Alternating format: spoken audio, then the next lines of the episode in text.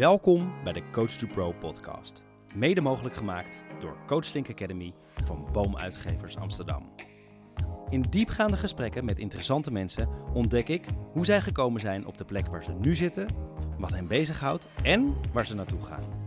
In gesprek met deze zogenaamde Chiefs of Life onderzoek ik hun belangrijkste levenslessen. Lessen waar jij mee verder kunt. Want wat zijn nou die geheimen van succes? Leuk dat je luistert naar de Coach to Pro podcast. De podcast waarmee jij kunt ontdekken hoe je ook in jouw leven meer plezier, succes en geluk kunt ervaren. Vandaag is mijn gast Jan van Betten, avonturier en wereldverbeteraar.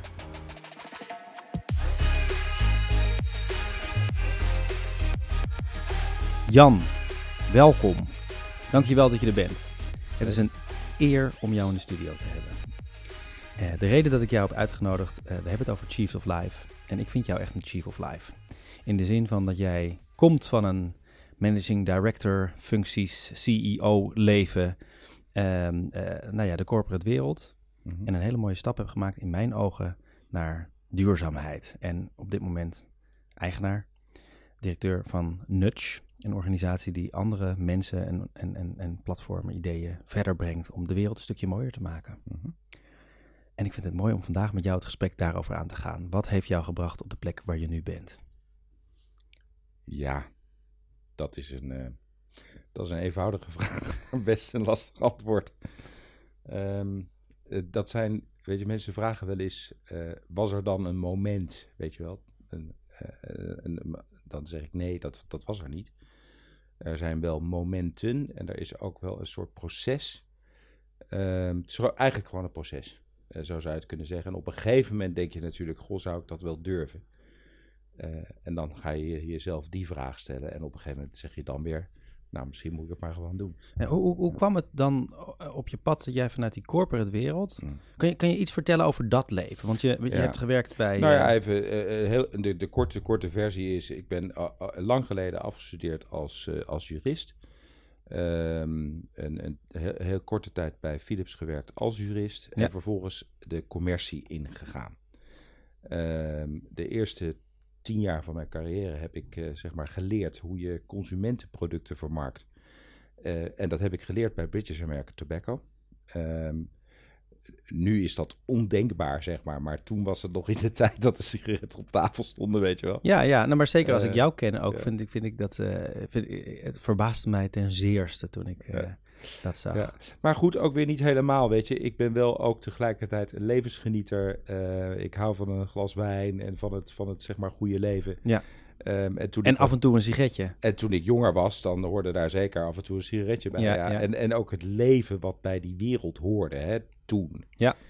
Ehm, Wat is dat leven dan? Nou ja, dat leven, dat, dat was echt de wereld van Peter Stuyvesant. Ja. Ehm, eh, met, met klanten eh, in, in het vliegtuig en de helikopter naar Monaco en naar de races kijken, weet je. De, met, met, met dat soort dingen. En dat vind je natuurlijk, ja, tenminste, ik voel dat toen ik 7, 28 was, geweldig. Ja, ja. Ehm, dan kom je dus die, die wereld in waar, waar van nou, de reclamewereld, de wereld van Peter Stuyvesant, zeg, zeg maar. Ja. Ehm, en ik heb daar eerlijk gezegd ook echt wel heel erg veel geleerd in die tien jaar dat ik daar gewerkt heb. Ehm, zeg maar van jongste bediende naar eh, baasje van de tent. Ja. Eh, en eh, in Nederland in ieder geval.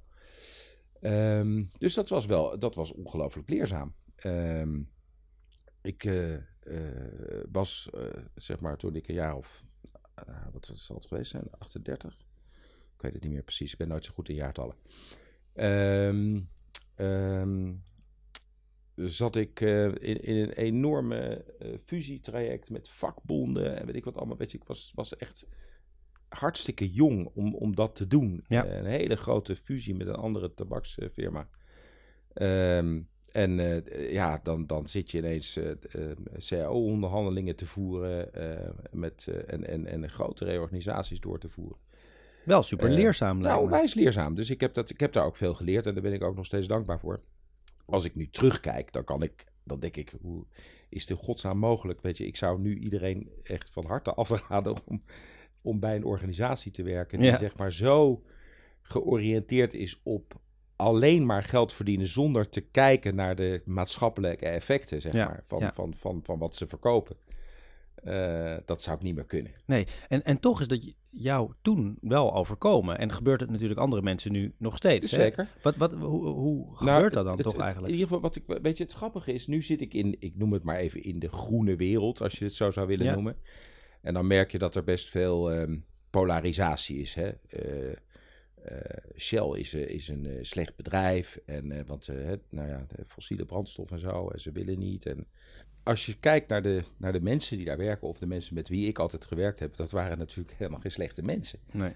Zoals ik mezelf ook geen slecht mens voel-. Nee. Dat waren prima mensen, daar kon je vreselijk bij lachen. En ze hadden net als iedereen hun eigen uitdagingen en problemen. En, maar ook hun, ja, hun liefde voor hun werk. En, dus, dus niks mis mee, zeg ik maar Nee. eventjes. nee. Alleen tegelijkertijd zeg ik maar, met, met, met die wereld is wel iets mis. Ehm, en en daar, da- ja, daar, is een, daar heb ik een nieuw perspectief op ontwikkeld, zou ik maar willen zeggen.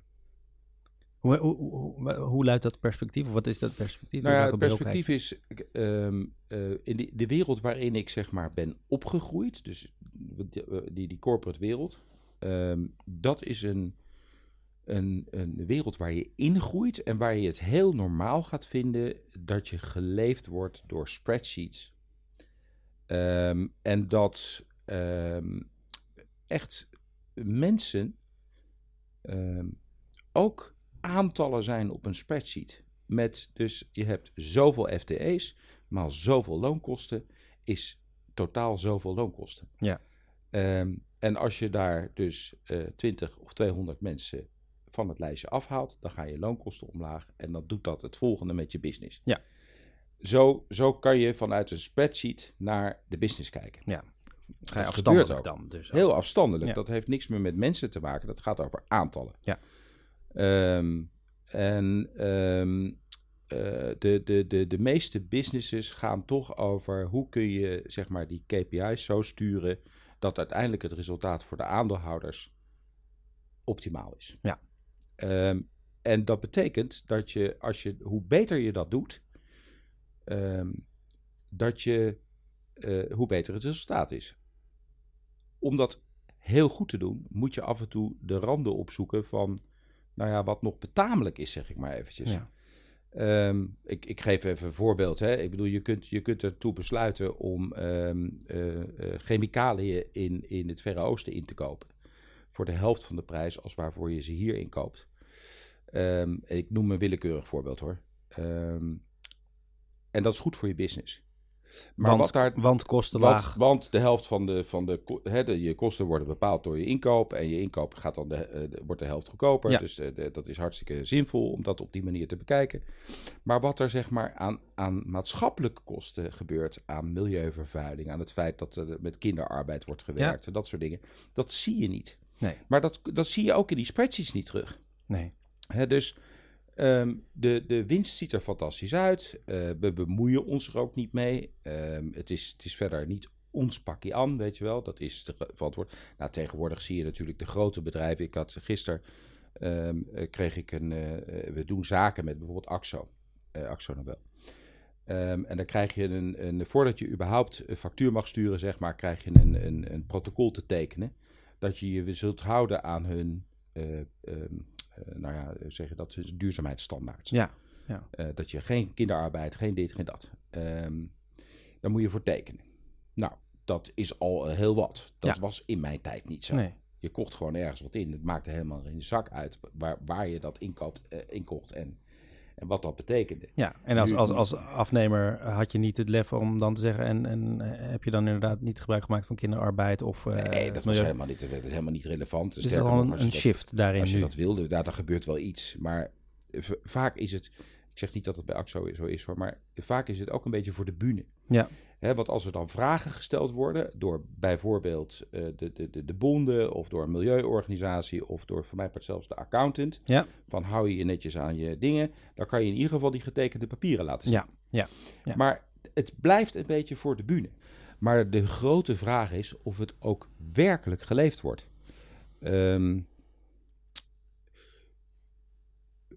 zijn we werkelijk bezig met nadenken van wat betekent dat nou voor nou ja, ik noem het maar, die mensen in, in, in China die daar in die grote productiehallen werken. De kledingindustrie, weet je, al die voorbeelden kennen we allemaal wel van zo'n fabriek die instort in Bangladesh. Ja. Ehm, nou, en dan begint iedereen weer te stuiteren. Dat had toch niet gemogen en moeten we daar niet. En dan, en dan, en dan gaat het weer even goed. Maar het hele idee is dat je natuurlijk als, als, als verantwoordelijke business. ehm, dit eigenlijk helemaal niet moet laten gebeuren. Dit moet je niet willen. Maar ja, het lastige is natuurlijk ondertussen. Ik, ik was eh, een paar weken geleden. eh, ben ik een keer de Primark, Primark hoe heet het? Ja. Binnengelopen. Ja. Ehm, T-shirtjes voor, voor 3 euro. Eh, een paar schoenen voor, voor, voor, voor 6 euro. Ehm, ja, hoe kan dat? Weet je, dat, dat, dat. En dan hangt er wel ergens iets van: wij zijn een responsible business. Nou, ik betwijfel het zeer. ja. Ik betwijfel het zeer. Je liep daar wel naar binnen. Ja. Was dat vanwege eh, een, een marktonderzoek, eh, zeg maar eventjes, om te kijken, om, om dat te voelen ik- te ervaren? uit- of, uit- of uit- moest je een t-shirt hebben? Nee, nee, nee, uit, uit nieuwsgierigheid. Echt Ja. uit pure nieuwsgierigheid. Want ik zie gewoon hoe druk die winkels zijn. Ja, En zes verdiepingen in Amsterdam, weet je wel, met alleen maar, nou ja, meuk noem ik het maar Ja. eventjes. Voor de, voor de laagste prijs denkbaar. En die winkel zit stampvol. Ja. Nee, de reden dat ik het ook vraag, Ja. Jan, eh, Ja. is omdat ik eh, ehm, jou hoor zeggen van, je moet als, als, als bedrijf dan die verantwoordelijkheid daar ook over nemen. Ehm, en dat, maar dat wordt heel lastig als, als het gros van de consumenten toch nog steeds kijkt naar, maar wacht eventjes, daar betaal ik 18 euro voor een shirtje en hier 3 euro. Of daar betaal ik 60 euro. Hè. Kijk, kijk naar Hmm. Eh, andere organisaties die echt duurzaam bezig zijn, die ook eh eh, fair trade eh, doorvoeren. Dat, daar gaat die prijs omhoog en dan komen je klant opeens niet meer. Hoe zie je dat dan? Welke verantwoordelijkheid ligt er dan waar? Nou ja, nee, maar het is natuurlijk een gedeelde verantwoordelijkheid. En dat is ook de nieuwe wereld waarin we moeten leren leven. En Ja. dat is best een holistische wereld. Dat is een wereld waarin we leren, naar, ook als consument, naar het hele plaatje te kijken. En waarin we leren, en we, we zullen dat, ik, ik weet dat het een soort dromerij is. Hè? Misschien in mijn introductie zei ik avonturier, maar ik ben ook wel een beetje dromer. Ja, Ik Ja. droom dat dat kan. Hè? Ik, ik hoop en ik, ik, ik hoop dat dat kan. Ehm, dat we een, een moment zullen bereiken waarin zeg maar, een, een, kri- een, een kritische massa, voldoende volume mensen, eh, zullen gaan nadenken over de consequenties van hun gedrag. ja, Of je nou consument bent, of producent, of fabrikant, of eh, gewoon nadenken over wat betekent dit nou eigenlijk voor een ander. ja. Eh, Want dat ben jij dus gaan doen bij die overstap van Nou, de dat corporate is dat, wereld. inderdaad. want dat- Dus op een gegeven moment eh, is dat, is dat gebeurd. Is dat ik steeds meer begon na te denken over de, in eerste instantie de consequenties van mijn eigen gedrag. Ehm, en hè, er, is dus wel een, er zijn wel aanleidingen geweest. Hè. Ik was op een gegeven moment, werkte ik in, in Duitsland. En dan moesten een aantal kantoren moesten samengevoegd worden in één pand. Er moest een nieuw pand gebouwd worden.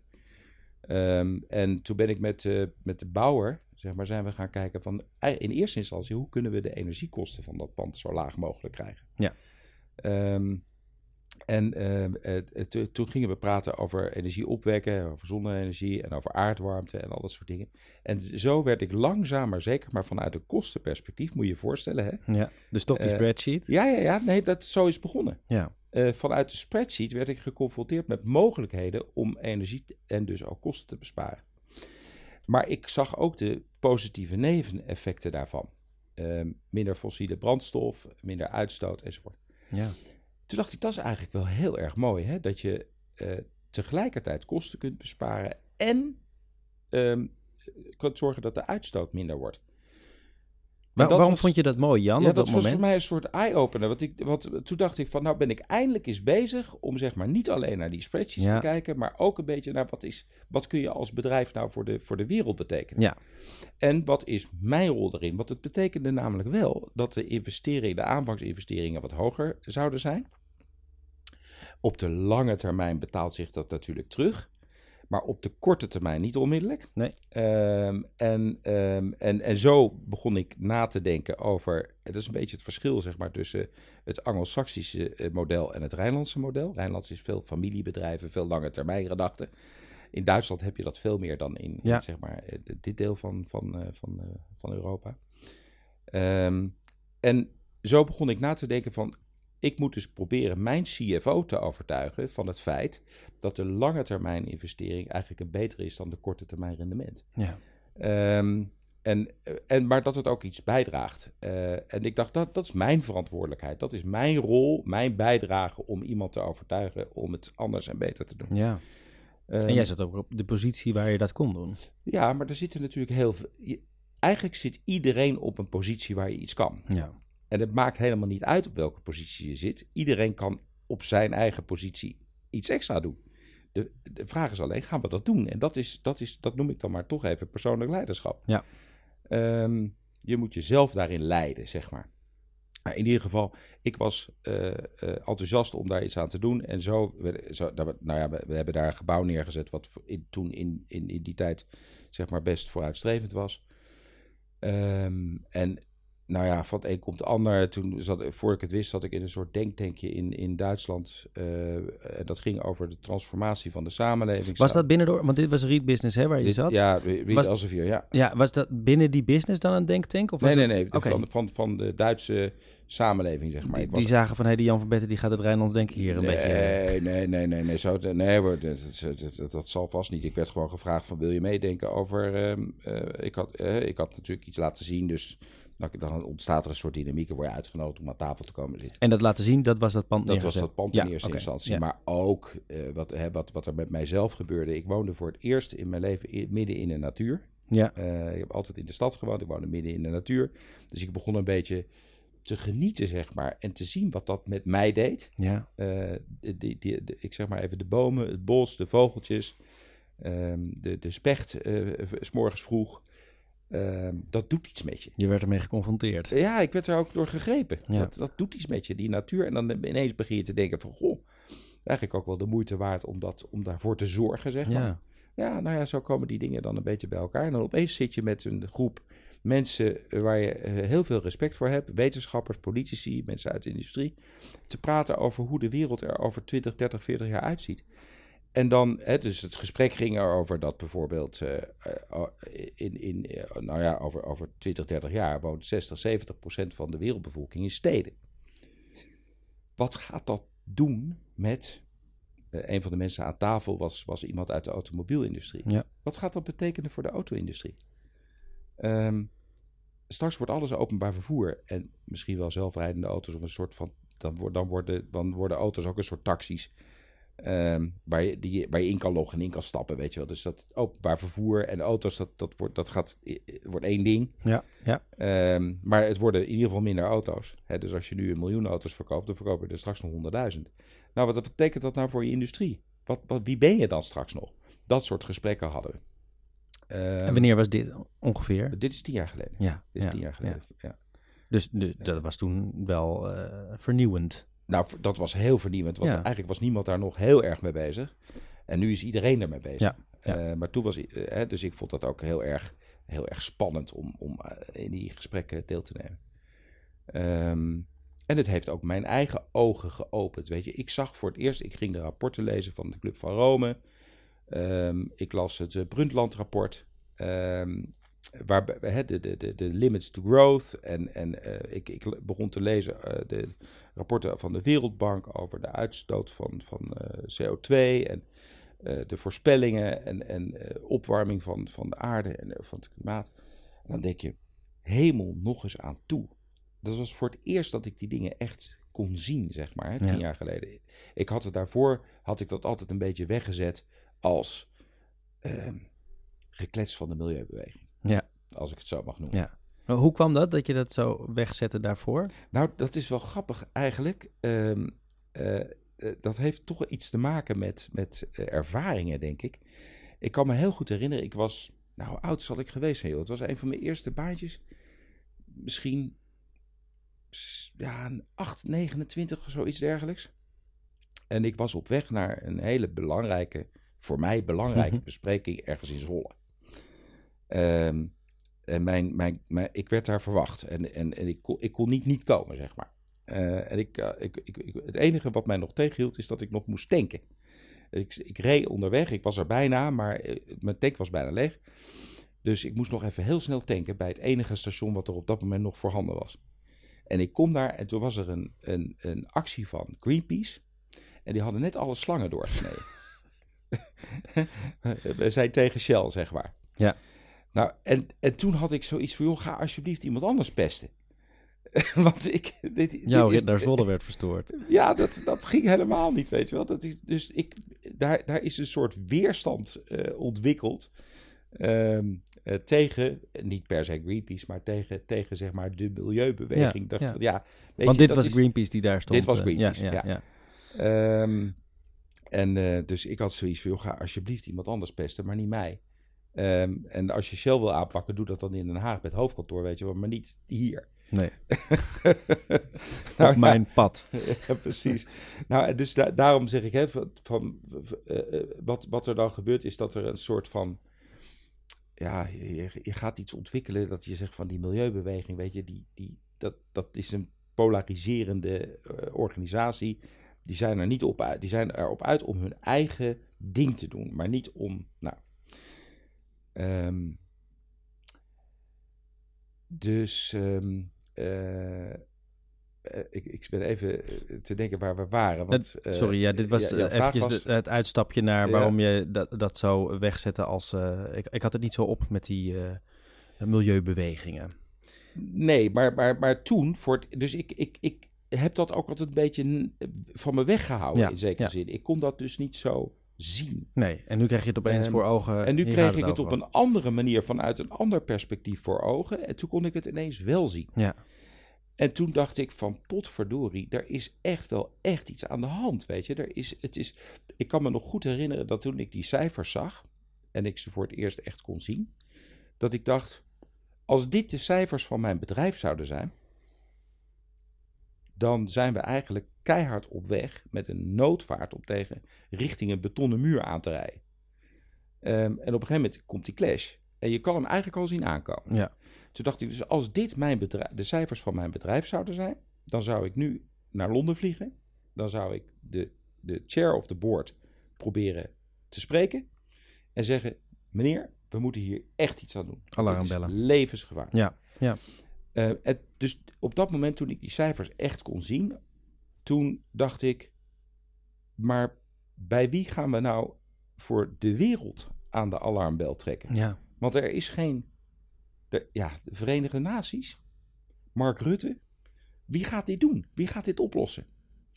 Ehm, en dat was de tijd van ehm, de klimaatconferentie in Kopenhagen. Dat was ook weer iets voor het eerst dat ik überhaupt, zeg maar, de kranten stonden er vol van, maar ik begon het te lezen en ik begon het te volgen. Ehm, en tot mijn stomme verbazing mislukte die klimaatconferentie in Kopenhagen. Ehm, daar waren alle knappe koppen van de wereld bezig, die zeg maar al lang hadden gezien wat ik voor het eerst zag. Die kwamen daar bij elkaar om het op te lossen, die losten het niet op. Toen dacht ik, wat is, wat is, wat is, wat is dit voor gekke wereld? ja. Weet je, dit zijn allemaal mensen die, die bij elkaar zijn gekomen om het op te lossen. Die weten dat het belangrijk Die is. weten dat het belangrijk is. Ze zijn hartstikke slim en intelligent. Ze hebben nog mandaat ook. En ze regelen het niet. Wat? Hoe kan dat? Ja. Hoe kan dat? Nou ja, dan ga je daar natuurlijk naar kijken, naar hoe, hoe zo'n systeem werkt. Ehm, en het is echt een systeem wat bijna niet te veranderen is. Ehm, het he- heeft te maken met geo- geopolitieke belangen natuurlijk, met hele grote gevestigde belangen die bijna niet bij elkaar komen. Tegenwoordig vertel ik wel eens het verhaal van de Eiffeltoren ehm, als, als systeem, zeg maar. Moet je je voorstellen, toen dat ding gebouwd werd in 18 zoveel, of 19, begin, begin 19, ik weet het niet precies wanneer dat ding gebouwd is, maar laten we zeggen 100 jaar geleden. Ja, ja. Ehm, toen werd dat ding gebouwd in, eh, en, en als onderdeel van de wereldtentoonstelling, die daar toen in Parijs gehouden werd. 1916 meen ik zo uit. Zou zomaar maar kunnen, ja. maar het is Maar maar ja, 100 een jaar tijd geleden. geleden. Ja. Ehm, en de Parijzenaars vonden dat ding afschuwelijk lelijk. Die wilden hem niet. Grote protesten. En terecht zou ik haast zeggen. Moet je eventjes van een afstandje naar dat ding kijken. Het is natuurlijk eigenlijk gewoon een lelijk ding. Het is een stalen lelijke punt. nu kun je dat op die manier niet meer zien. Nee. Het is het symbool van Parijs geworden. Ehm, een miljoen of meer bezoekers per jaar die allemaal golf betalen. Ehm, dus dat is een enorme economisch systeem geworden. Wat niet meer weg te denken is. En zolang dat ding goed onderhouden wordt, blijft hij daar gewoon staan. Ehm, nou, zo zit het denk ik ook een beetje met dat hele klimaat. Ja. Er zijn zulke belangen verbonden aan bijvoorbeeld de fossiele industrie of aan de automobielindustrie. Of, dat is een heel stevig systeem geworden. Wat bijna niet. Ja, dat, dat, dat is net zoals met zo'n Eiffeltoren. Zie je dat ding verdwijnen? Dat is best moeilijk te bedenken. Ja. Zoals die, die mensen het toen niet wilden en er toch gekomen is en nu niet meer weg te denken. Zo is het eigenlijk ook met onze, ik noem het maar even, fossiele industrie gebeurd. Of met ons kapitalisme, als je wil. Met ons hele systeem. We zijn er als het ware ingerold, we zijn er aan gewend geraakt. Maar als je er met een grote afstand naar zou kijken, dan zou je eigenlijk denken: we hadden het wat anders moeten organiseren destijds. Ja. Want zo mooi is het niet. Maar goed, je kan het dus eigenlijk ook andersom zien. Hè? Als je die, die nieuwe beweging waar mensen Ja. dus wel Mhm. om die toegevoegde waarde, maatschappelijke waarde, eh, milieu, Mhm. uitdagingen eh, denken. En daar een soort van Eiffeltoren neerzetten die iedereen nu eh, eh, eh, heel erg lelijk vindt. Dan is het straks wel misschien iets ondenkbaars om weg te halen. En Nou ja, is- dat is natuurlijk wel een beetje icoon. aan het gebeuren. Dat is overigens ook waarom ik Nudge heb opgericht. Ja, ja, precies. Maar, Het hele idee is dat je als samenleving als geheel wel degelijk iets kunt veranderen als je maar een bepaald momentum bereikt. En als je met z'n allen gaat willen, als je met z'n allen iets gaat willen, dan gaat het ook gebeuren. het geheim is, ligt in het willen. Het geheim ligt in het willen en dat begint misschien wel met dromen. Eh, dus dromen en dan willen en dan uitvoeren. Mensen meekrijgen. Steeds grotere cirkels. Ehm, prachtig voorbeeld. Ehm, vorige week eh, berichtje op, eh, ik las het op nu.nl, ik was in Afrika, ik las het op nu.nl, dat Femke Halsema wil in 2030 geloof ik alle fossiele brandstofauto's uit Amsterdam weren. Dus dan mag, je, mag het alleen nog elektrisch. Nou, lijkt mij, eh, lijkt mij een logische zaak. Ik, ik ga nog een stapje verder. Ik zeg al die auto's eruit. Ehm, maar, en, en dan lees je alle commentaren onder zo'n berichtje. Die Femke Halsema aan de hoogste boom. Hoe moet dat met de ondernemer en de middenstander? Hoe krijgt hij straks keep on dreaming? De groene maffia. Weg met die lui. Ehm, al dat soort berichten. Ja. Heel veel weerstand. Heel veel weerstand tegen iets wat eigenlijk niet zo verkeerd is Nee. als je het goed bekijkt. Nee, en, en, en, en hartstikke hard nodig dus om onze aarde een beetje... Hartstikke hard nodig. Het, is ook, het gaat ook gebeuren. Het is eigenlijk niet meer tegen te houden. Het, eh, andere grote steden, Rome, Parijs, eh Düsseldorf, hebben al diezelfde uitspraken al gedaan. Ehm, het gaat gewoon gebeuren. Ehm, maar de weerstand die dat oproept nog bij heel veel mensen is eigenlijk ongelooflijk. Terwijl in mijn kleine groene cirkeltje, noem ik het maar even, wordt er toegejuicht. Ja. Maar daar moet dus een soort tipping point komen. Daar moet iets gaan veranderen. Hè? Dat, we, dat we als samenleving, als geheel gaan zeggen, ja, dit willen we. En we dat willen doet dit ook. En dat doet Nudge. Dat is wat wij proberen te doen. Ja, Ja, ja. We hebben inmiddels zo'n 70.000 mensen die Nudge aanhangen, zal ik maar zeggen. Ehm, en met die mensen proberen we natuurlijk langzaam maar zeker dit soort, dit soort ja, gedachtegoed ook een beetje te verspreiden. niet, die- als, niet als evangelisten, maar gewoon te zeggen van jongens, het is gewoon de moeite waard, het is aantrekkelijk, het is eh, belangrijk, eh, het is misschien ook wel goedkoop in die end. Ehm, en, dat, en dat moet je voor je volgende generaties eigenlijk gewoon willen. En die, die 70.000 die je noemt, hè, Ja. eh, nudgers, dat zijn individuele... Dat zijn Mensen zoals individuen. jij hè? en ik zeg ja, maar eventjes. Ja. Kan je, kan je eventjes eh, iets daarover vertellen? Want je hebt ook zakelijke partners. Kun Ja. je iets vertellen over die individu- ja, individuele mensen Ja. die een nudger zijn Ja. en wat jullie zakenpartners daarin doen? Nou ja, we hebben, eh, wat we zien is dat, dat heel veel dingen werken eigenlijk systemisch. Ehm, dus je hebt, we proberen het een beetje holistisch te benaderen. In de zin van als je iets voor elkaar wil krijgen, heb je verschillende partijen nodig met verschillende invloeden. Ja. Ehm, eh, misschien een, voorbeeld eh, eh, om even aan te geven hoe het werkt, anders blijft het zo, eh, zo eh, zweverig. Ehm, de biodiversiteit in de hele wereld, ook in Nederland, is dramatisch aan het afnemen. Hè? De berichten in de kranten zijn eh, legio. Ehm, als je kijkt naar bijvoorbeeld het aantal insecten of het aantal bestuivers ehm, die we nodig hebben om ons voedsel te bestuiven, is heel erg aan het afnemen.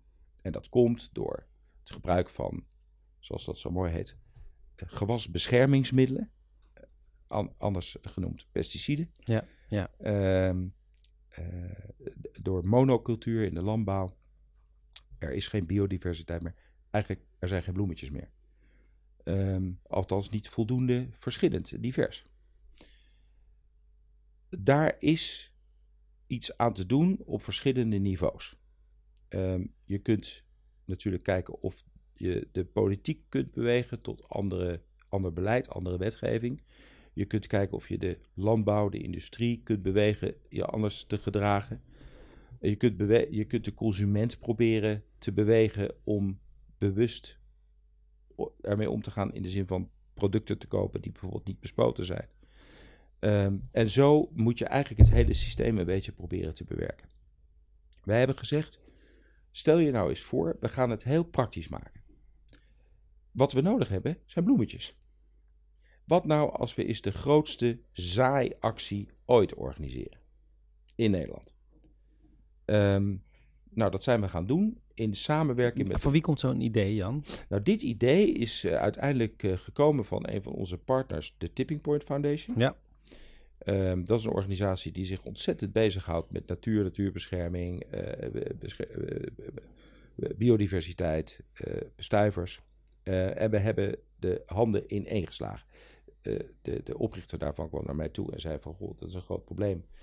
Um, en we, we, willen daar wat aan doen. En zullen we dat samen doen? Dus we hebben gezegd, dat laten we de handen ineens staan. Die kwamen naar, naar, naar Nuts ja, toe. En, ja. en, en, dus jou. Ja. Ja. ja. Um, en toen hebben we gezegd, weet je wat we doen? We gaan, een, we gaan het heel concreet maken. Wat er moet gebeuren is dat er moet gewoon gezaaid worden. En, en als mensen zeg maar zelf gaan zaaien, dan verandert iets in het hoofd. Door, door iets te doen, verander, door, door, als je je gedrag verandert, dan verandert er ook iets in je hoofd. Mooi. Dus Um, niet andersom. Maar hè, er wordt vaak gezegd, je moet eerst iets anders denken, dan ga je anders doen. Maar jij zegt, je moet misschien eigenlijk werkt dat ook wel zo, maar Ja. het werkt in ieder geval ook andersom. Ja, mooi. mooi. Eh, je moet maar eens, hè, een mooi voorbeeld is ehm, eh, ook eh eh, zwerfvuil oprapen. Ehm, en dat is een beetje kip en ei verhaal. Wat komt eerst? Komt nou eerst dat hoofd dat zegt dat moet ik doen? Of komt eerst je hand die zegt ik, ik pak het gewoon op? Ja. Ehm, je- en ik, ver- ik verzeker je, als je op een enig moment gewoon oppakt, dan verandert er in je hoofd iets. Dan ga je, het- ga je anders naar zwerfvuil kijken.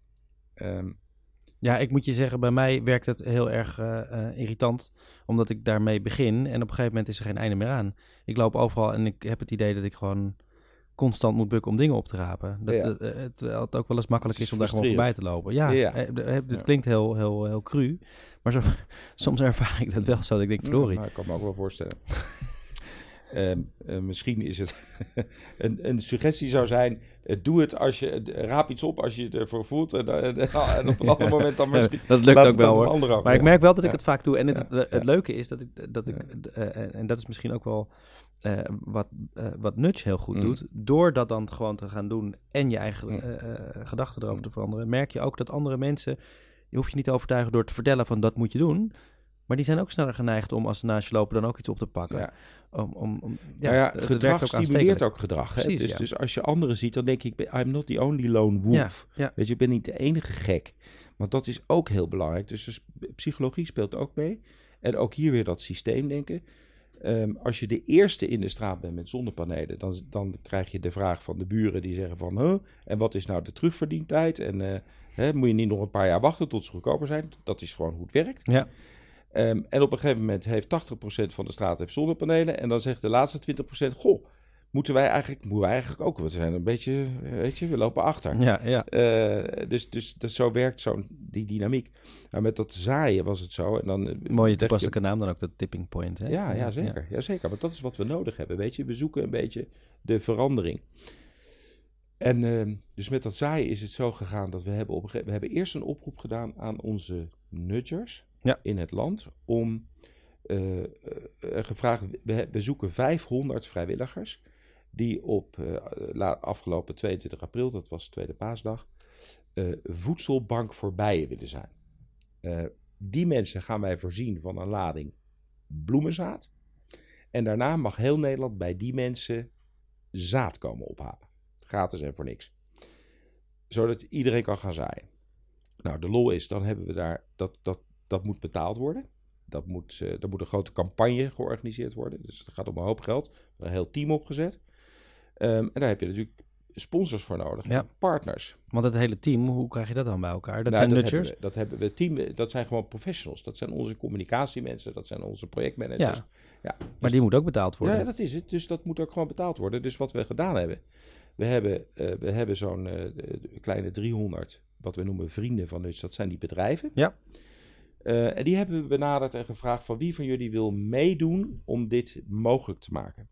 Ehm, in ruil daarvoor eh, krijg je je naamsvermelding, krijg je ook een hele berg zaad op kantoor wat je uit kan delen aan je medewerkers. Ehm, maar we willen dus een beetje een financiële bijdrage, maar we willen ook heel graag dat je ons helpt met de communicatie hierover. Dan moet je dus voorstellen als een bedrijf als, eh, nou, bijvoorbeeld eh accountantskantoor Grant Thornton. Ja. Die hebben 2000 medewerkers, die hebben gezegd we gaan allemaal meedoen. Maar die hebben natuurlijk ook een enorme communicatiepotentieel. Ehm, dus die hebben, ten eerste hebben ze al hun medewerkers gestimuleerd om te gaan zaaien. Dan heb je weer 2000 man aan de, Ja. aan de, aan de gang. Ehm, maar ze hebben ook al hun klanten eh, uitgedaagd om mee te doen. Ja, dat, dan heb je eigenlijk een enorme leverage van je, van je professionele partners. Ja, en dan is het niet alleen voor de bühne, dan ben je ook daadwerkelijk Daar ben je gewoon iets aan aan het doen. Ja, en het klinkt simpel, maar het is, het is eigenlijk ook heel simpel. Eh, maar zo zie je dat je zeg maar op deze manier hebben we eh zo'n 70.000 mensen aan het zaaien gekregen. Ehm, en hebben we eh, iets van eh, eh, iets minder dan 400.000 vierkante meter ingezaaid. Mooi. Ehm, ja, dat is wat, weet je. Dat is gewoon, dat heeft effect. Ja. Dan kan je wel, je kan alles relativeren. Je kan natuurlijk zeggen van ja, eh, dat had eh, Rijkswaterstaat ook kunnen doen. Weet je, Mhm. dan hadden, eh, of, of, of spoorwegen langs. En dan had je, heb je veel groter bereik. En dat is ook allemaal zo. Maar die doen ook hun dingen. Ehm, en als je nu, ik, het is mij opgevallen dat ik heb een paar dagen beschikking over een auto, dus ik ben een beetje aan het rondrijden. En dan, ik zie overal groen en geel en rood van de klaprozen. En weet je, Nederland is aan het vergroenen in dat. Je moet maar eens kijken. Gemeenten hebben nu geleerd dat ze niet moeten maaien. Wat ze altijd doen. Ja, ja. Kijk maar eens om je heen. Er wordt niet gemaaid op het ogenblik. En dat, dat is goed voor die bestuivers. Dat is goed voor die insecten. En die hebben we zo hard nodig. Dus zo proberen we dingetjes te bereiken. Ja, mooi. Ja. Ja, en ik ken Nudge, eh, want jullie hebben ook de, de, de Global Impact Challenge, Ja. hè, wat vroeger de, eh, Nudge, hoe heet het? De Nudge leadership challenge was Ja, ja, en daarmee eh, eh, ehm, eh, eh, beïnvloed je mensen in het bedrijfsleven. Eh, want het is een grote contest eigenlijk eh, eh, van eh, individuen binnen organisaties, de grote corporates eigenlijk. Hè, Veelal. die mooi, ja, eh, Heineken eh, is bijvoorbeeld eh, een van jullie partners daarin. Ferrero. Ja. Ja. Ja, de, de Nutella, eh, Ja. jongens en meiden. Ehm, eh, en daar zijn individuen die een mooi plan hebben en die geven jullie een, eh, een, een, een- eigenlijk een kickstart om binnen hun organisatie duurzaamheid te bewerkstelligen. Kan je Ja. daar iets over vertellen, over een, een, mooi succes wat je daarmee hebt gerealiseerd? Ehm, ik heb er twee die onmiddellijk dus... kies jij Vietnam of Filipijnen? Nou, dan zou ik de Filipijnen wel eens willen Oké, nou, Filipijnen. Ehm, daar hebben we een, deelnemster uit de Filipijnen, een eh, jonge dame van 4,25. Ehm, die ehm, ziet dat, zeg maar, in de Filipijnen heb je van die enorme elektronica fabrieken.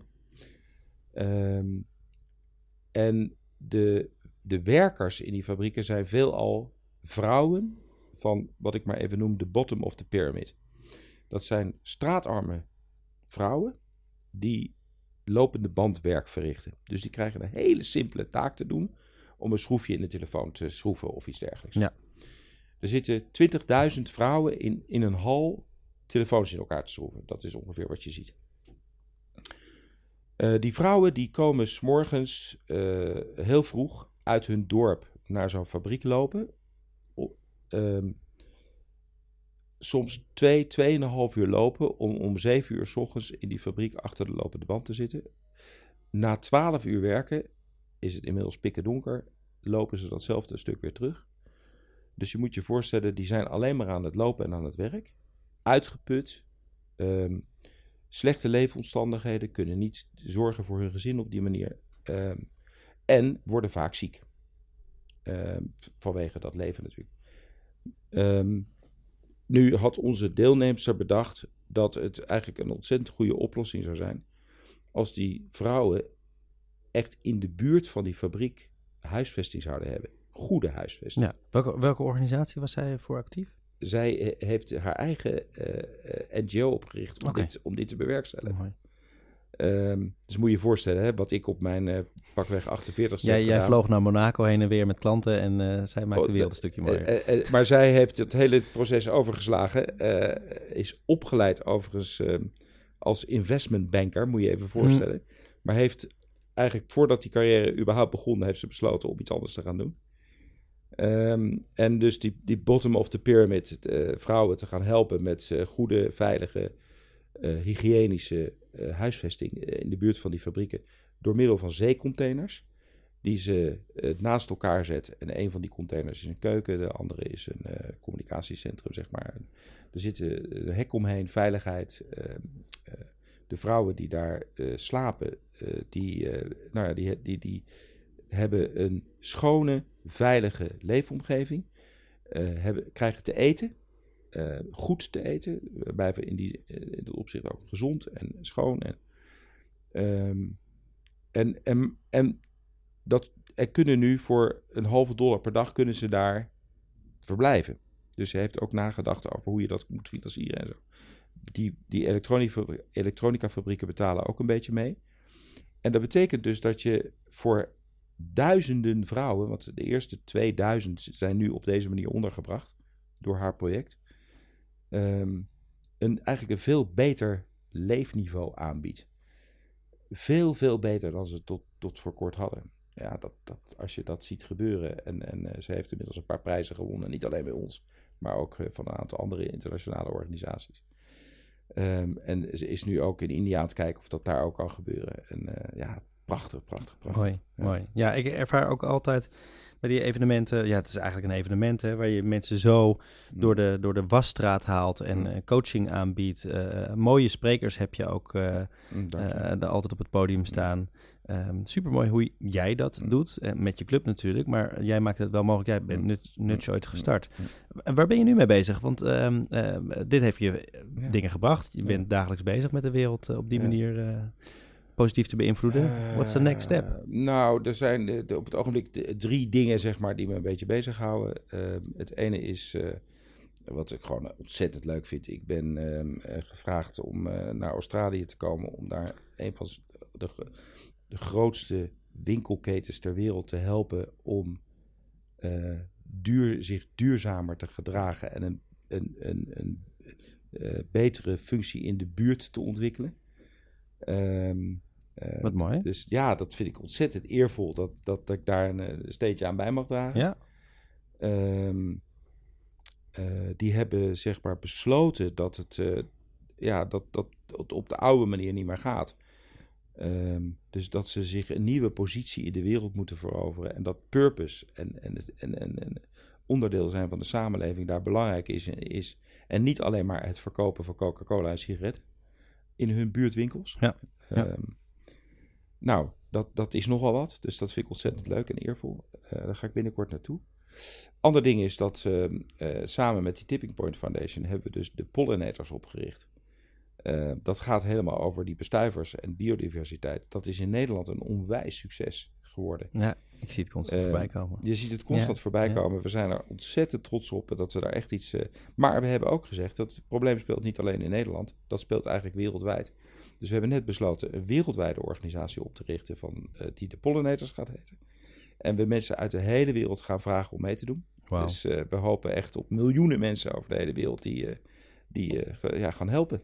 Wat, wat, kun je daar van één, één als je het hebt over groei, ontwikkeling, Ja. wat heb jij daar nou in geleerd? Hoe kan je nou zoiets kleins, wat begint bij de gedachte Mm. eh, eh, in één individu, eh, ombuigen naar, dat worden 2000 man, en ombuigen naar, dat wordt de hele wereld. Wat, wa- hoe zorg Ja, jij voor die versnelling? Ach, daar is, volgens mij is daar geen recept voor. En ik kan je ook, laten we zeggen, Wat werkt niet het is een Wat- paar keer, nou, het is een paar keer gelukt, maar het is ook een paar keer helemaal niet gelukt. Oké, Eh, het, het is ook een, be- ja, soms denk ik, je moet ook een beetje de, de geluk hebben, de wind mee. Ehm, ik, ik durf te zeggen, ik heb wel een paar elementen waarvan ik kan zeggen, nou dat, het begint natuurlijk weer wederom met een compelling story. En met een urgente kwestie. Ja. Wat je niet alleen, begint bij heel erg bij jezelf. Je moet het zelf ervaren als urgent en compelling. En je- Dat, dat, dat begint echt bij jezelf. Ja. Ehm, je moet erdoor geraakt worden. En waarom is dat zo belangrijk? Omdat het voor elkaar krijgen zo onwaarschijnlijk veel energie kost. En tijd. Dat je moet bijna een beetje gek zijn om eraan te beginnen. En dat Ja. gek, nou ja, ik noem dat passie. Maar je mag het ook gek noemen. Dat heb jij wel een beetje, hè? Dat, dat heb ik wel een Ja, beetje. Dat ja. heb ik wel een beetje. Als ik ergens door geraakt word, dan, dan ga ik er ook voor. Weet je, dan dat. dat eh, en dat gebeurt met enige regelmaat. Nog even die derde wil ik graag van je horen. Want je zei, die eh, pollinators heb je. Ja, dus de, de, de- dat- dat, dat, eh, eh, verhaal in, in Australië, Ja, eh, de, de- pollinators. Eh, ja, en, en ook eh, Afrika, maar dat is een beetje meer een persoonlijk ding. Vertel. Eh, vertel. ja, ik, ik, ik heb een. Hoe zal ik dat nou eens even netjes zeggen? Eh, een nieuwe liefde eh, in, in, eh, in Afrika. die ben ik tegen het lijf gelopen. Ja, ja. Ehm, en ehm, Omdat je in Afrika was? ja, ehm, eh, ik heb een, een week doorgebracht bij de Maasai. Ook zo'n soort leiderschapsreis, zal ik Ja. het maar even noemen. En daar was deze dame ook. Eh, en ehm, ja, daar, daar, is het, eh, daar, dat, dat is, daar hebben we elkaar, zal ik maar even zeggen, ontmoet. Al- eh, Ja. Als, als Maasai was zij, of Nee, nee, leider zij, ook? Nee, nee, nee. Ja. Zij, zij was ook een van de leiders, zeg maar, een van de deelnemers aan die, aan die trail. Ja, Ehm, en dan trek je een week lang met elkaar op, samen met de Maasai, in, in dit geval in Kenia. ja, Ehm, en dat is natuurlijk een, een, een- dat is een andere omgeving, de- een groot avontuur, zeg maar. En dan onder dezelfde sterrenhemel beleef je hetzelfde avontuur. Ja. Dat, dat is sowieso al heel mooi. dat verbindt. Dat verbindt. Ja. En, eh, in dit op, en, en dan eh, was er zeg maar ook gewoon de, ja, de chemische, hoe zeg je dat? Aantrekkingskracht. Ja, De ja. chemie. Ja, ja ik, ik, ik, dit is natuurlijk ook een, een gevoelig verhaal. eh, ehm, ehm, dus ik vind het ook moeilijk om daar vragen over te stellen, Mm. maar ik doe het wel gewoon. Mm. Want jij was natuurlijk getrouwd met iemand met wie je al heel lang samen was. Ja, Eh, of natuurlijk, dat weet ik, dat weet Ja, ik dan. ja. Eh, ehm, ehm, hoe, hoe maak je in je leven dan toch zo'n stap? Want ma- mag je, hoe oud ben je ook weer? ik ben nu 57. 57, ja. ja. en dan maak je dus toch een stap op dat moment om, eh, je hebt ook kinderen, ehm, nou ja, voor een nieuwe liefde te kiezen. Ook nog een keertje in, in een heel ander land. Nou, het is in ieder geval zo dat wij eh, waren al gescheiden. Hè, dus dat proces, dat, dat, dat is ook een proces natuurlijk van jaren.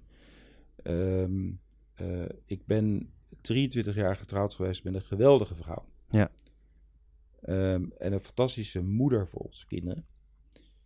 Ehm, en toch is het op een gegeven moment zo dat, en, en nogmaals, ook hier niet een moment, maar een heel proces van Mhm. jaren, eh, waarop je op een gegeven moment heel erg eerlijk naar elkaar moet zijn. En, en dat zijn we ook geweest, want we hebben zo'n zo'n goede relatie hadden we ook. Het meest vertrouwde relatie ooit, zou ik zeggen. Waarin je zo eerlijk tegen elkaar kan zijn, elkaar zo vertrouwt, dat je zegt van, is dit het Ja, nog? ja. Ehm, Ondanks al die jaren. ondanks al die jaren.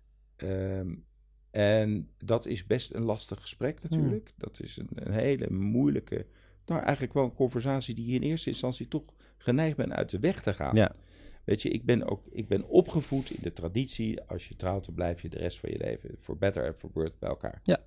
Maar op een gegeven moment word je denk ik toch oud en wijs genoeg en in ons geval genoeg vertrouwen onder elkaar, met elkaar, dat je ook wel een keer durft uit te spreken naar elkaar en eerlijk durft te zijn, dat je zegt van, ja, is- dit nog voldoende om nog, laten we zeggen, 30 jaar bij elkaar te blijven? Of is er nog meer? Nou, die vraag stellen is natuurlijk al een hele lastige. Eh hem beantwoorden is nog veel lastiger als je echt eerlijk bent. Ja. Maar dat hebben we wel gedaan. Wat, wat, wat zorgt er voor, eh, in dit geval bij jou, voor tipping point om dat toch bespreekbaar te maken? Ja, je merkt gewoon, en dat denk ik bij ons allebei het geval, ehm, dat, het, dat het nodig is om het bespreekbaar te maken. Ja, weet je, op een gegeven moment, als je heel eerlijk naar jezelf bent, en dat is misschien ook wel een levensles voor mij, zeg maar, hè? blijf bij jezelf, wat er ook gebeurt. En luister alsjeblieft goed naar jezelf. Luister naar jezelf.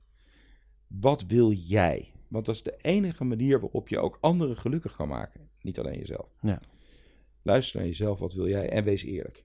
En nou ja, en als je dan luistert naar jezelf en je bent eerlijk en je merkt dat het, dat het ja, dat er andere verlangens zijn, dat, dat, dat het avontuur lonkt, dat de vrij, ik noem het maar even vrijheid, dat is een betrekkelijk begrip natuurlijk, maar ehm, eh, dat, je, dat je daarin niet dezelfde gedachten hebt, ehm, nou ja, dan moet je dat bespreekbaar maken. Ja, en daar dan dus toch ook over eens kan zijn. Ja, en ook over eens kan zijn. Dat Ja. was in ons geval zo.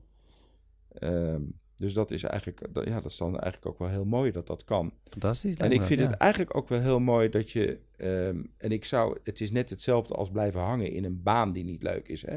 Maar ja, je hebt toch je hypotheek. En je, het is een goede. Het is ook geen slechte baan. Maar je bent eigenlijk niet happy. Hoeveel mensen zitten daarin? Ja. Hoeveel mensen zitten erin die zeggen van joh, eigenlijk.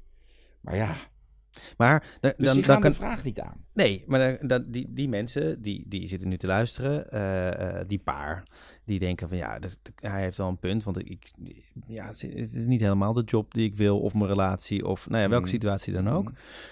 En ja, hij kan wel zeggen van ja, eh, eh, eh, dan moet je naar jezelf luisteren, maar ik heb daadwerkelijk die hypotheek en ik heb daadwerkelijk dat gezin en, en Mm. alle argumenten om, om het toch maar Ja. Op de manier Ja. te doen die Ja. ik altijd heb gedaan. Ja. Wat, wat, wat zou je die mensen kunnen meegeven of willen meegeven? Nou ja, ik heb, ik en ook wij als, als eh, partners hebben een aantal keer in ons leven, zeg maar, eh, dingen gedaan die eh, best eng waren. Ehm, dus we hebben een keer ons, ons gezin opgepakt en zijn naar Duitsland verhuisd. Ja. Ehm, terwijl onze kinderen hier hartstikke goed op een lagere school zaten en hun vriendjes en vriendinnetjes. En we wisten dat als we zouden zeggen we gaan, we gaan verhuizen, nou dan was de wereld te klein, weet je wel. Dat, dat konden we onze kinderen eigenlijk niet aandoen. Eh, ze losrukken eh, als het ware uit hun omgeving. Maar we hebben het toch gedaan, eh, omdat we, ja, ik noem het maar even, onze angst hebben overwonnen. Ehm, en ervan overtuigd waren dat we uiteindelijk het, het goede deden. Ehm, en dat heeft hartstikke goed uitgepakt. Hartstikke goed uitgepakt. Maar hoeveel mensen zouden er niet zeggen dat moeten we dan toch misschien maar niet doen? Ehm, dus het gaat een beetje over angst overwinnen. En, en, en ik zou zeggen, ja, eh, wat ik nu doe, eh, zeg maar, of het nou gaat over eh, mijn privéleven of over de, de, de, de beslissing om uit de comfortabele wereld van het zakenleven te stappen, van de goede baan, een goede salaris, er allemaal opzij te zetten en iets nieuws te beginnen.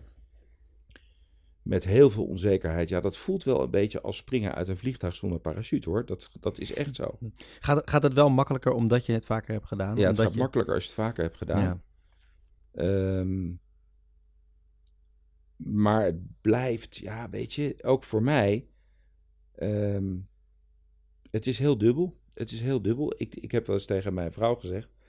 ehm, ik ben een soort, soort. Ik voel me wel als een bergbeklimmer. In de zin van. Eh, ik zie die berg. En, en er is een enorme aantrekkingskracht om dat ding te beklimmen. Mhm. Ik moet aan die wand hangen, zeg maar. Ehm, en als ik er dan eenmaal hang, in de wind en in de kou en in de regen, en, en eh, hopelijk, hopend dat ik er niet afdonder, denk ik, waar ben ik in godsnaam aan begonnen? En dan ben ik hartstikke blij als ik weer op de grond sta en thuis ben. En zodra ik thuis ben, denk ik, Waar is de volgende berg? waar is de volgende berg? het, het, is, het is ook een persoonlijkheidskwestie, denk ik. Maar ik, Ik denk, niet wel dat grappig. iedereen, ik denk niet dat iedereen zo'n berg heeft, zeg maar. Nee, nee, nee. Nee, nou ja, Ja. maar je, je- kan hem natuurlijk wel als metafoor zien voor eh, eh, nou ja, een, een, een uitdaging die, eh, die, die voor je neus staat, waarvan je denkt, ga ik er omheen? Hè, wat je net ook Ja. al aangaf, eh, probeer ik dat gesprek te vermijden? Of, of, of ga ik hem aan? En op het moment dat je hem aan het voeren bent, voelt het ongemakkelijk, maar, Maar het het gedaan aangaan heeft me dingen gebracht die ik, waar ik anders alleen maar van had kunnen dromen. Ja, Ik heb fantastische mensen ontmoet die ik normaal gesproken niet ontmoet zou hebben. Ik ben op plekken in de wereld geweest waar ik anders nooit geweest ben. Ik ben in de binnenlanden van de Amazone geweest. Ik ben eh, eh, dicht in de, in de buurt van de Noordpool geweest. Ehm, nu mijn Afrika-avontuur. Weet je, ik, ben op, ik kom op plekken, ik ontmoet mensen die ik anders nooit ontmoet zou hebben. Dat Australië-verhaal vind ik een, een, een, een voorbeeld. Weet je, ik word nu gevraagd om daar te komen praten met zo'n eh, wereldwijde organisatie om ze te helpen. Ehm, ik ben benaderd om volgend, volgend jaar eh, eh, op het World Economic Forum in Davos te spreken. Wauw. Ehm, nou ja, weet je, dan denk ik ook van, wat moeten die mensen met mij? Ehm, maar goed. Ja, en dat vind ik ook wel... avontuur ga ik dan wel aan, want ik denk eigenlijk zelf, wat heb ik daar nou te vertellen? Ja, maar ik vind het wel mooi ook. En dat, dat, aan de ene kant siert het je, aan de andere kant denk ik ook wel eens... Jan, dat mag, volgens mij mag je dat ook best wel. Ehm, eh, ik zie je dat bij Nudge doen, Mm. dat je andere mensen de ruimte biedt... en het, het podium laat pakken. En, en als ze jou op het podium halen... Sterker nog, we hebben dat zelf gedaan Mm. bij TEDx Haarlem natuurlijk. Ja, hè, want ja, eh, zo heb ik ja, je ook leren kennen. En jij bent de founder van TEDx. Haarlem. En als we je dan op het podium vragen om iets te vertellen... Dan vind je dat eigenlijk best wel een beetje ongemakkelijk. En als ik je nou net hoor vertellen over die berg beklimmen... Dan, hang- dan hoor ik je vertellen over hoe je aan die wand hangt en denkt, Mm. waarom heb ik dit in godsnaam gedaan? Maar ik hoor je niet vertellen en dan sta ik daar bovenop en dan denk ik, ik heb het, ik heb het toch voor elkaar. Het gaat je niet zozeer om die top, lijkt het wel. Hoe, waar, waar, waar heb je die bescheidenheid vandaan? Jeetje, dat is een vraag die ik A, niet eerder gesteld heb. En, en, en, B, vraag me af of dat echt zo is. Hè? Of het gaat, nee, het gaat me geloof ik niet om die top. Misschien, ja, maar ik, bescheidenheid. Ik vind dat het allemaal niet zo bijzonder is. Weet je, het past zo bij mij wat ik doe.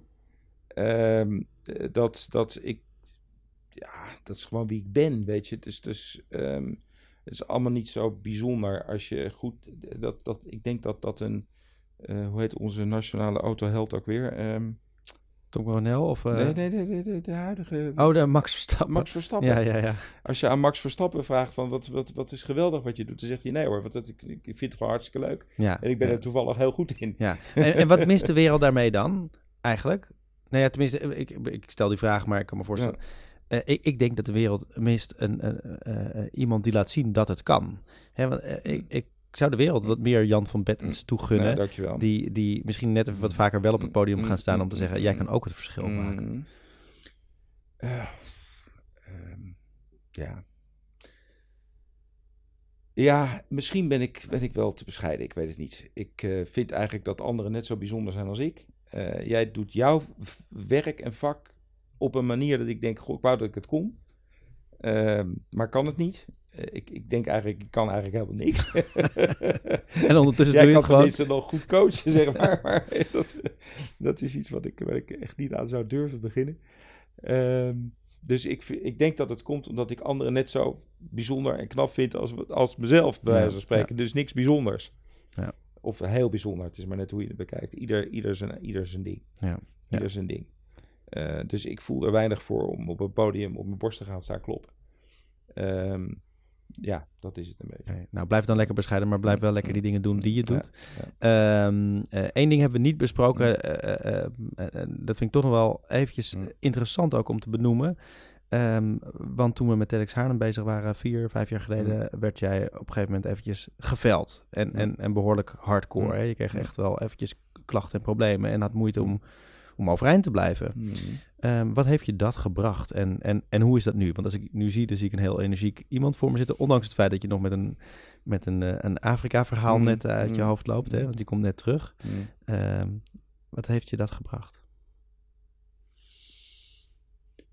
Eh, nou ja, het, het cliché is natuurlijk, eh, zeg maar, tenminste zo voelt het een beetje, dat, eh, dat je hoe kwetsbaar je eigenlijk bent, zonder dat je dat eh, de hele dag beseft.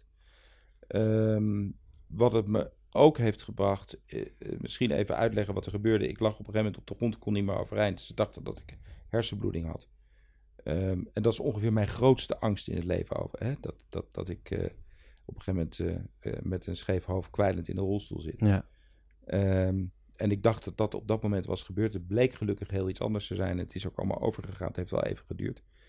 Ehm, maar ik ben daar natuurlijk ja, in zekere zin ehm, eh, van geschrokken. Maar ook weer nog extra gemotiveerd.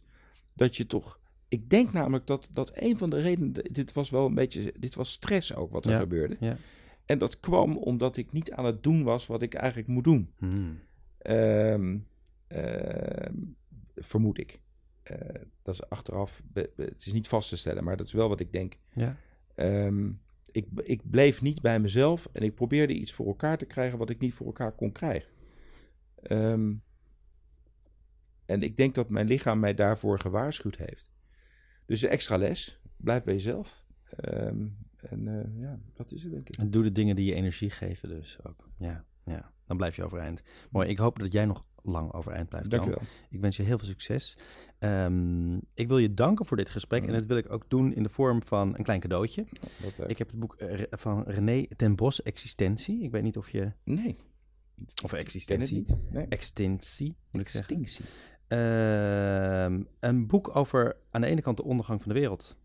Eh, met de insecten gaat het slecht. De zeeën zijn zo leeg dat men spreekt van waterwoestijnen. Kortom, het uitsterven van soorten gaat harder dan ooit. Zo hard dat wetenschappers vrezen dat het vroeg of laat ook de mens gaat raken.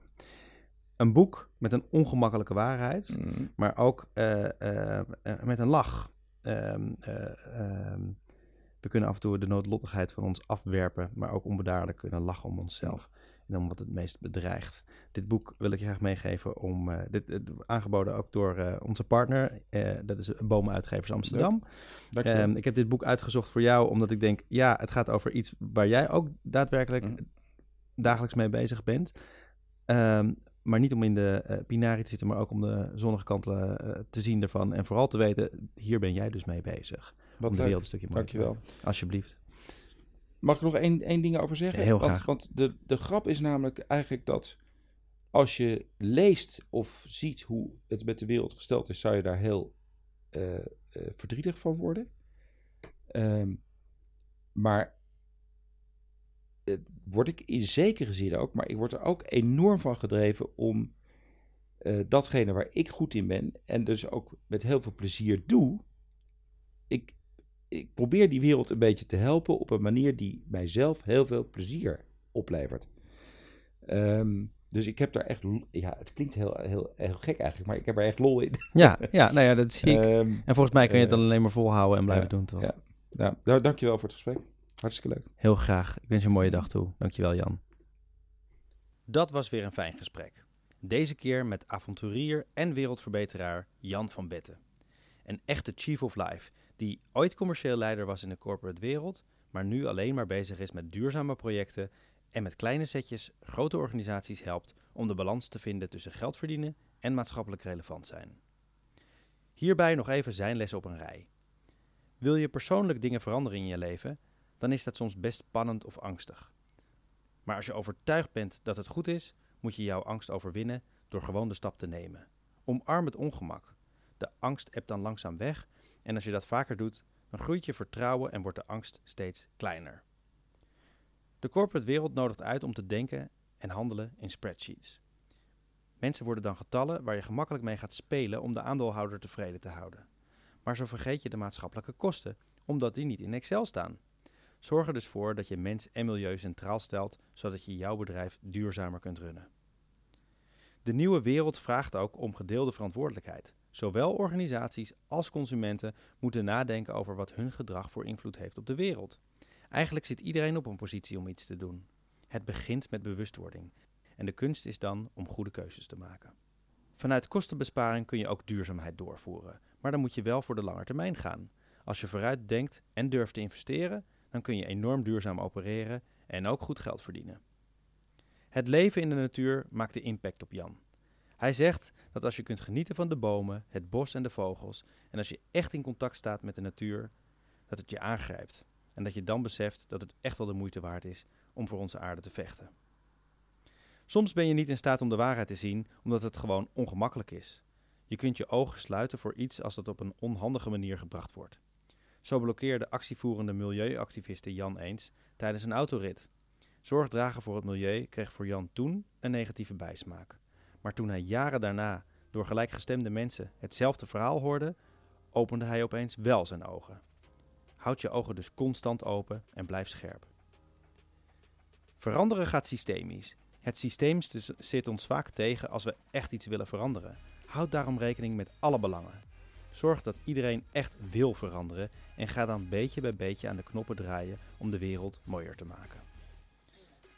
Een belangrijke succesfactor om mensen te helpen met verandering is door ze te raken met een goed verhaal. Wanneer je geraakt wordt, ga je dromen over hoe het ook kan. En dat is vaak het begin om echt te gaan veranderen. En soms geeft je lichaam op een keiharde manier aan dat je iets anders moet doen. Dus als je ziek wordt of bent, luister dan goed naar je lichaam. Blijf bij jezelf. Pas als je goed kunt luisteren naar je eigen lichaam en weet wat je nodig hebt en goed voor jezelf zorgt, Dan pas kun je anderen gelukkig maken. Dank weer voor het luisteren. En ook dank aan onze partner CoachLink Academy van Boomuitgevers Amsterdam. Graag weer tot de volgende Coach to Pro podcast.